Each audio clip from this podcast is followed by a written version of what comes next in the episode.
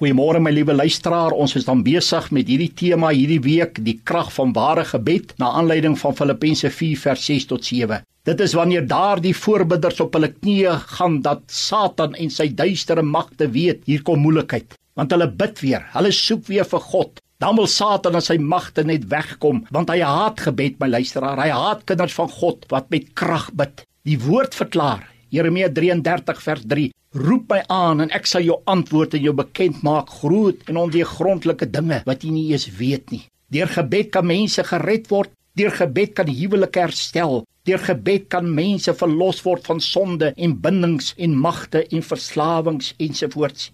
Deur gebed kan verhoudings herstel. Deur gebed kan mense genees word.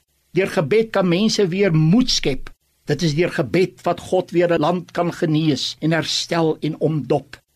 Mense sê God is so ver van ons verwyder, maar vriende, dis nie waar nie. God is so naby soos jou volgende gebed. Gebed is die wapen wat God vir sy kerk gegee het. Kinders van God staan op vandag. Trek die volle wapenruse van God aan en val die vyand aan. Ja, val aan en val aan totdat hy sal wyk deur gebed. Leef soos 'n kind van God. Praat soos 'n kind van God. Bid soos 'n kind van God. Tree op soos 'n soldaat ek en jy's in 'n oorlog teen die magte van Satan. Efesiërs 6 vers 12 sê dit. Bid sy werk uit jou lewe uit. Bid dit uit jou familie uit. Bid hierdie werk van Satan uit hierdie land uit oor hier vandag. As jou huwelik aangeval word, bid.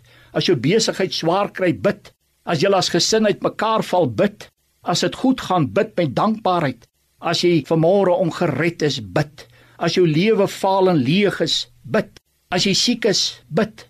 As jy behoeftes het, bid vir dit, roep God aan.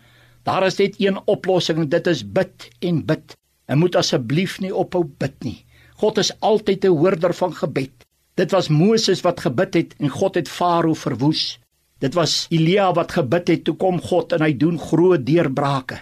Ja, dit was Hiskia wat gebid het en God het hulle vyande op hulle neuse laat sien. Dit kos net daardie een wat met krag kan bid en God kan soek en Satan en sy magte bewe. Mag ek en jy daardie een wees wat bid en 'n lewe van gebed het. Daar is altyd krag in ware gebed. Amen.